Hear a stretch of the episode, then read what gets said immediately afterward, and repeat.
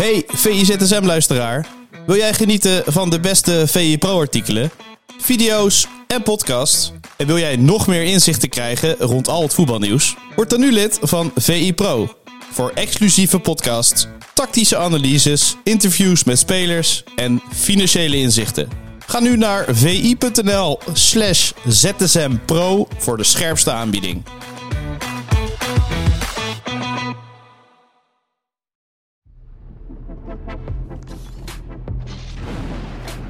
Ja, goedemorgen en welkom bij een nieuwe aflevering van VI-ZSM, de dagelijkse podcast van Voetbal International, waarin we jullie meenemen in het allerlaatste nieuws. Mijn naam is Jarno Vijn, ik zit aan tafel met Dave Albers. Dave, wel bekend van de mooie verhalen op VI Pro.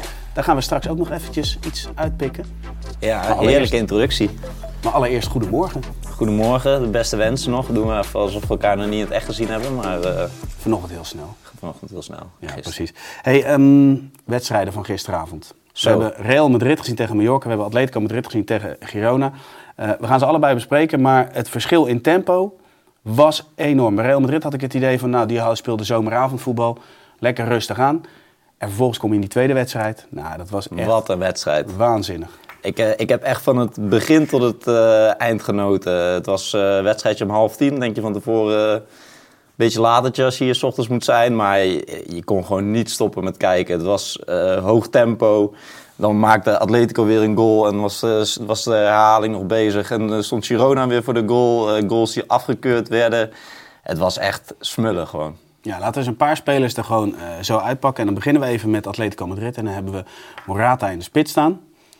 Alle drie doelpunten, als je dan kijkt hoe scherp die staat. Overigens bij de 2-0. Of de tweede treffer van hem, die vond jij heel fraai. Maar de paas van Rodrigo de Paul moet ook even genoemd worden.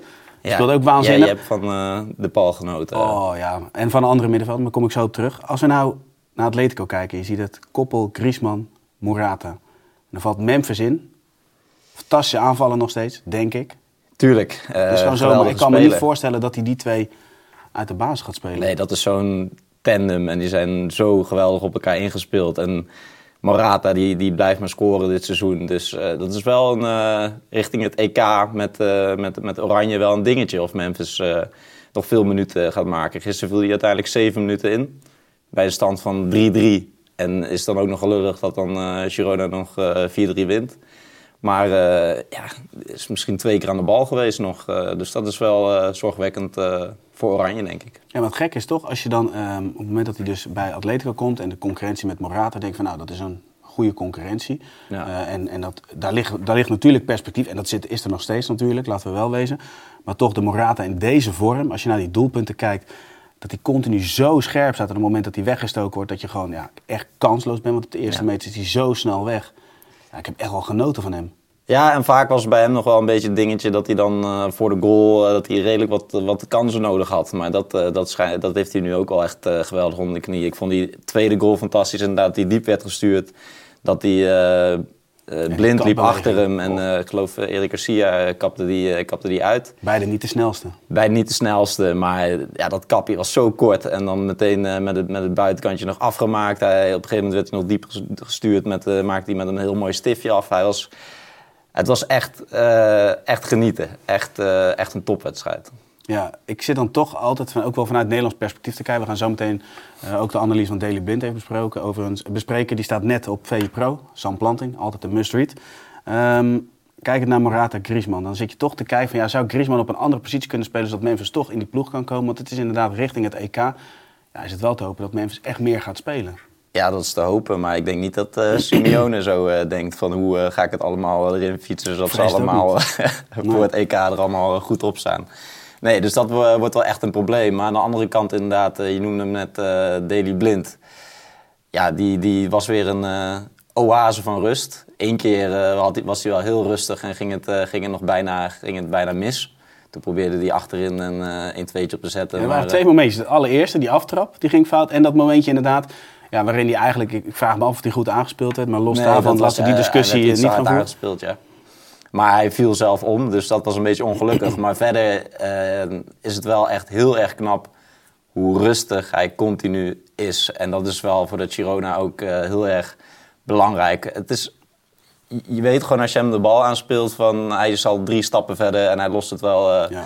lost het wel rustig op. En gisteren werd zijn optreden uiteindelijk zelfs nog bekroond met een, met een doelpunt. Dus ehm, ja, wel erg mooi. Ik vind zijn verhaal sowieso al...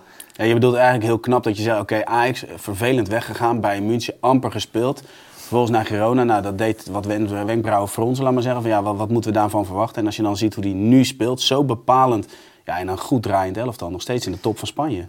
Ja, ja, en ik heb het hier wel eens eh, eerder gezegd, maar het is eh, een speler die altijd... eh, je, je haat hem of je, je houdt van hem, weet je Waar zit dat in, is- denk jij? Ja, omdat hij... Het is, het is makkelijk te, bekritis, te bekritiseren spelen, omdat hij ook eh, redelijk traag oogt soms. Eh, dus, Maar eh, zit het altijd in het spelen zijn of ook wel in karakter? Want, want kijk, we hebben natuurlijk interviews van hem gezien waarin hij, eh, nou ja, weet je, je, ziet dat hij dat niet heel leuk vindt na een wedstrijd. Maar eh, er zit nu ook een, een podcast volgens mij met, met Siem de Jong erbij. Dan komt hij heel sympathiek over. Waar, waar zit dat in dan? Dat zit niet alleen in de speler, heb ik het idee hoor. Ja, ik heb hem als persoon altijd wel eh, sympathiek gevonden. Dus da- daar ligt het niet aan. Ik denk meer dat als een eh, Ajax in die tijd een keer verloor en hij een keer net achter zijn man aanliep, dan was het heel makkelijk om te zeggen: ja, kijk, hij is te langzaam. Maar dan werd er niet gekeken naar hoe geweldig slim die is en hoe geweldig eh, voetballend die alles oplost. Dus eh, wat dat betreft, ja, hij knokt zich gewoon altijd terug, Daley Blind. En dat, dat heeft hij. Ajax niet chic weggegaan, Bayern München uiteindelijk alleen maar op de, op de bank gezeten. En nu is hij gewoon, is hij gewoon een steunpilaar in, in, in, in de stuntploeg van Spanje. Dus dat is eh wel erg mooi om te zien. Ja, zeker. En als je dan naar de analyse kijkt, eh, ik heb hem net be- bekeken van Sam Planting, die is er even ingedoken. Ehm, en een van de dingen, het gaat om drie cruciale punten wat Daily Blind nog steeds ja, van een meerwaarde eh, maakt voor, voor een ploeg. En dan gaat het vooral over de korte passes. Maar als je dan ook naar de wedstrijd tegen Atletico Madrid kijkt, waarin de teams van Simeone spelen altijd super compact. Hoe die dan toch steeds die middenvelders, en dat zijn bepalende middenvelders, Ivan eh, Martin, eh, Alex Garcia, dat zijn echt ja, topspelers. Tenminste, in die zin op dit moment topspelers in Spanje. Maar hoe hij ze steeds bedient en aanspeelt, Ja, daar moet je ook druk. wel gewoon heel veel lef voor hebben. Dus Ja. eigenlijk het, het moment... Amsterdamse bravoure. Ja, het moment dat eigenlijk misging. eh, ik denk dat als hij daarop terugkijkt, dan zou hij het waarschijnlijk nog een keer zo aanpakken. Alleen de, de, de uitvoering eh, beter doen. Maar hij durft het wel. Hij durft hem in te spelen en meteen door te bewegen. Daar heb je wel een coach bij nodig die meer kijkt van oké, het gaat vaker goed dan fout. Ja, en dat heeft hij nu, eh, denk ik. Dat denk ik ook, ja. Dus de analyse moeten we gaan lezen. Heel even kort nog, wel ook eh, genoten van die eh, Kauto. Vanwege zijn kapsel of ook gewoon het spel? Hij heeft een Want je mooi begon roze, over zijn kapsel net. eh, roze kapsel. En, eh, maar ik vond hem wel echt... eh, ja, hij is dan rechter wingback, maar eigenlijk is hij gewoon rechtsbuiten. Continu acties maken. Hij was overal geweldige speler. Ja, viel wel op. Ik ben wel overigens nieuwsgierig. Suleiman geniet nu van zijn vakantie. Normaal maken we een elftal van de week. Ik zou zeker weten gekozen voor Ivan Martin. Jij vond Jan Koud opvallen. Ik ga toch eens voorleggen aan basis van deze wedstrijd, op basis van deze wedstrijd wie hij zou kiezen in zijn elftal van de week. Ik ben toch tikje nieuwsgierig naar. Zou hij nog kijken in zijn vakantie? Wel hè? Soelie kijkt alles, Die, eh, absoluut. die mist absoluut. niks. En dan gaan we even naar ehm, de andere wedstrijd. Die werd iets eh vertraagder afgespeeld, leek het wel. Dat was de wedstrijd tussen Real Madrid en Mallorca. Tchouameni centraal achterin, want ze hadden wat eh, defensieve problemen. Een, een wedstrijd waar, waar je eigenlijk dit seizoen wat ik wat vaker geniet juist van Real Madrid. Omdat het wat dynamischer is dan in de voorgaande jaren. Geweldig middenveld nog steeds. Grote talenten, Bellingham, waanzinnig.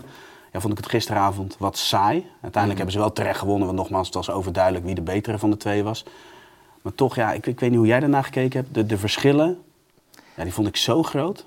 Ja, en toch heb je dan het idee dat ze wel gewoon kampioen gaan worden, zeg maar. Dat, eh, dat, dat dat gevoel gaat ook gebeuren, toch? heb ik. Zeg maar, Girona stijgt nu heel erg boven zichzelf uit. Staan nu allebei op 48 punten, geloof ik. 10 punten los allebei van, eh, van Barça en Atletico. Eh Barça kan nog wel iets inlopen, maar ja, het gaat dus wel echt tussen Girona en eh, Madrid. En dan... Ja, je wilt als Real Madrid even aanzet, weet je wel. Dat, Precies, dat zijn die momenten. hebben nog wel wat meer Ja. in de tank, zeg maar. En ik, eh, ik heb het idee dat Girona nu wel echt continu op de tenen loopt. En, dus ik denk dat Real Madrid uiteindelijk wel kampioen wordt. Maar het is wel geweldig hoe dat Girona ja, dit seizoen zo goed doet. Ja, aan de ene kant een heel romantisch verhaal. Aan de andere kant zit natuurlijk die City-groep erachter. In hoeverre is het romantisch? Maar het is in ieder geval Ja, maar jij zegt, ja, maar dat gaf jij voor eh, dat we gingen opnemen, gaf je dat ook aan. Maar zie je nou echt absolute sterren erin lopen? Nee, dat niet. Dus het zou sowieso een gigantische eh, stunt zijn. Dat wel. Ja, het functioneert gewoon goed als team uiteindelijk als Real Madrid, als het sterrenensemble wat gas geeft. Dan is dat voldoende voor de titel, zeg jij. Ja, dat denk ik wel, ja. Oké, duidelijk. Dan gaan we naar het uh, meest gelezen verhaal op VE Pro uh, van onze collega Geert-Jan Jacobs. Die heeft wederom een paal. Jij maakt mooie verhalen, maar Geert-Jan Jacobs ja, ik, uh... maakt ook parels van verhalen. In dit geval gaat het over Thomas Rongen. Vertel even wie dat is en waar het over gaat. Ja, Geert-Jan Jacobs is sowieso uh, niet op Twitter te vinden, niet op Instagram te vinden. Dus waarschijnlijk uh, gaat hij dit uh, ook niet horen. Maar die, die is wel echt een, Best bloedvorm. van Voetbal International. Die is echt een bloedvorm. Want in de kerstspecial had hij al drie hele sterke verhalen. En nu heeft hij het, inderdaad het verhaal van Thomas Rongen opgetekend. Dat is een Nederlander die heel lang trainer is geweest in Amerika. En die heeft één heel bijzonder avontuur geha gehad als bondscoach van Amerikaans Samoa. Ja, dat even voor de verduiding. Hij had zijn huiswerk gedaan. En volgens mij in die wedstrijd ze hadden al twee jaar niet gescoord. En ze hadden 31-0 verloren van Australië. Dus dat ja, is even het ja, startpunt vooral, dat je erin staat. Vooral de statistiek inderdaad. Dat, je, dat de ploeg al twee jaar niet gescoord heeft. Dan weet je van dit kan nog wel eens een uh, hels gaan worden. Maar uh, waarom hij nu dat verhaal heeft gemaakt. Want het is natuurlijk al lang geleden. Maar vanaf vandaag draait er een uh, film in de bioscoop over dat verhaal van Amerikaans Samoa. En waar dus... Thomas Rongen de bondscoach van was. En in, in die film een, een Hollywood-productie, uh, ja, onder de vlag van, van Disney geloof ik, speelt Michael Fassbender. Die, die speelt de rol van Thomas Rongen. Dus dat is okay. al super bijzonder. Maar het verhaal van die Thomas Rongen is ook super speciaal, omdat hij... Ja, het, het zit voor hem ook een heel erg een persoonlijk verhaal achter. Dat hij uh, voordat hij daar bondscoach was, uh, was hij eigenlijk depressief. Hij was kort daarvoor zijn stiefdochter verloren en wilde zichzelf ehm, twee keer van het leven beroven. En dat is allemaal net aan goed gegaan. En toen is hij daar bondscoach geworden, inderdaad. En je zegt het al, het was niet.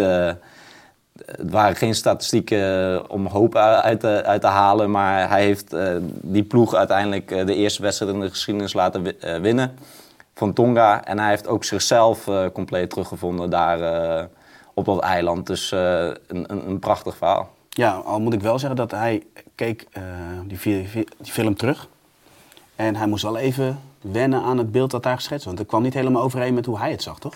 Nee, het, het, is wel een iets ander verhaal. Ja, het heeft een kleine Hollywood-sausje gekregen. Ja. En bepaalde dingen uit de werkelijkheid zijn iets aangepast, waardoor het een, volgens Disney-maatstaven een, een beter verhaal is geworden. Maar uiteindelijk heeft hij ook gezien hoe de mensen in de zaal erop reageren. Het is meer een soort uh, comedy geworden. Het is een feel-good film.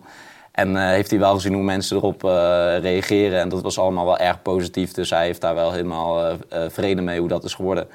Maar ook een onderdeel van het verhaal is dat daar een. Ehm, hij was ook, er was ook één speler uh, en dat was de eerste transgender speler die in een uh, officiële wedstrijd uh, heeft meegedaan. Dus dat was ook nog een onderdeel van het verhaal. Dus de, de, okay. de centrale verdediger was een transgender. Hij heeft nog een, een keeper uit zijn, uit zijn pensioen moeten trekken. Ja het, het, ja, het heeft alle facetten voor een heel goed verhaal. En dat is nu inderdaad door een, door een regisseur opgepakt. En dat is nu ook in de bioscopen te zien. En dat is allemaal het verhaal van een, van een verder onbekende Nederlander. Een Amsterdammer die overigens nog wel in het verleden heeft gespeeld met Cruijff. In Amerika, geloof ik. In Amerika, ja. ja. precies. Dan gaan we naar het uh, laatste onderdeel. Dat is een verhaal uh, wat binnenkort te lezen is van jouw hand over Geoffrey Promayon. Kennen we als rechtsback van onder meer PSV, Eindhoven, Willem II. Um, kende een turbulent einde van zijn eigen voetballoopbaan. Uh, maar nu volledig ja, een andere rol binnen de maatschappij. Ja, dus Promayon ja, die, die zichzelf overigens Jeffrey Promayon noemt. Uh, terwijl ik ook inderdaad altijd gedacht heb dat het uh, Joffrey... Ik ken hem als Joffrey. ja, okay. hij zegt zelf Jeffrey. Maar uh, die speelde een tijd bij, die brak door bij PSV als rechtsback. Maar dat waren wel de tijden dat Romario daar in het eerste speelde. Hij heeft later ook nog Ronaldo, de Braziliaanse Ronaldo, bij PSV meegemaakt. Met Luc Nielis gespeeld, dus wel in een, in een mooie tijd. Ja. Uiteindelijk is hij naar Willem II gegaan. Uh, zou je nu zeggen dat is een uh, kleine stap terug. Maar dat waren de jaren. Die was, hij was een belangrijke schakel in dat team dat uiteindelijk onder Co Adriaans oh, ja, uh, de, ja. de, Champions League heeft bereikt. En daar heeft hij ook vijf keer 90 minuten in gespeeld. Dus een mooie carrière. Daarna is het wat onrustig geweest aan het einde van zijn loopbaan. Dat moeten mensen maar gaan lezen wat daar, wat daar allemaal is gebeurd. Um, maar daarna hij op een gegeven moment, uh, moest hij wel weer gewoon aan het werk. Het was geen uh, loopbaan uh, waar hij nog uh, jaren op kon teren financieel. Dus in eerste instantie heeft hij 16 jaar bij een autovuurbedrijf gewerkt. En nu brengt hij bij een bedrijf uit Hezen. eh, Table du Sud eh, heet het eh, bedrijf. Brengt eh, gigantische tafels rond. Dus is hij eh, bezorger van gigantische tafel. Ik ben een eh, dag met hem meegegaan. Ik heb een dag eh, bij hem in het busje gezeten met hem en zijn eh, collega Johan. Heb je ook echt meegeholpen of heb je alleen maar meegekeken? Meegekeken, ik ben zo druk. Hè. Het is, eh, jullie denken dat het een soort hobby is voor mij, maar je bent continu bezig. Hij staat dit op scherp, kijken wat iemand aan het doen is. interviewen ondertussen in die bus. Maar toevallig inderdaad bij het shower was ik het, het net te druk. Ja. Dus, ehm, maar dat was wel mooi. Het was ja, dus zo met z'n drieën in zo'n busje en dan ook zo- zo'n collega die ja, zo'n Tupperware bakje met, eh, met boterhammen met eh, salami heeft. Eh, een beetje, het was een beetje kneuterig, maar daardoor juist super mooi. Dus ik ben een dag mee geweest in zijn nieuwe leven en daar ben ik nu mee bezig om dat uit te werken. En dat is denk ik zaterdag of zondag te En lezen. zonder daar iets te diep op in te gaan, spoorloos, hoe zit dat precies met Promayon? Ja, hij, waar hij ook van bekend is dat hij op een gegeven moment tijdens zijn carrière, eh, toen hij bij Willem II zat, eh, hij heeft Thaise roots. Eh, zijn verhaal is dat zijn moeder is een Thaise en zijn vader een Amerikaan. Want zijn Ja. vader zat in het Amerikaanse leger, was in Thailand, ja, eh, vrouwzwanger geworden. Daar is Geoffrey Promayon uitgeboren. Toen eh eh, Geoffrey, of Jeffrey, eh, acht maanden was, eh, ging zijn vader terug naar Amerika. Die heeft toen heel vaak geprobeerd om eh, contact te zoeken, door brieven te sturen. Maar dat werd allemaal niet vanuit die legerbasis verstuurd. Dus dat contact is verwaterd. En op een gegeven moment is Promayon toen die, even kijken, zeven of acht was, in Nederland beland. En op een gegeven moment, toen Promayon dus bij Willem II speelde, had hij zelfs zoiets van... ja, ik wil mijn, mijn biologische vader wel eens ontmoeten. Toen heeft hij Spoorloos ingeschakeld. En die hebben uiteindelijk... eh, dus toen is hij een keer in dat programma Spoorloos geweest. En eh, is hij na de wedstrijd Willem II Ajax is hij uit de kleedkamer gehaald. En op de middenstip heeft hij toen, eh, toen zijn vader voor het eerst ontmoet. Dus dat is ook nog wel een, een bijzonder verhaal uit het verhaal van Promayon Ja. als ik er nu over nadenk, is dat eigenlijk wel wat ik altijd leuk vind aan voetballers. Dat als ik naar mijn eigen leven kijk, is dat redelijk overzichtelijk.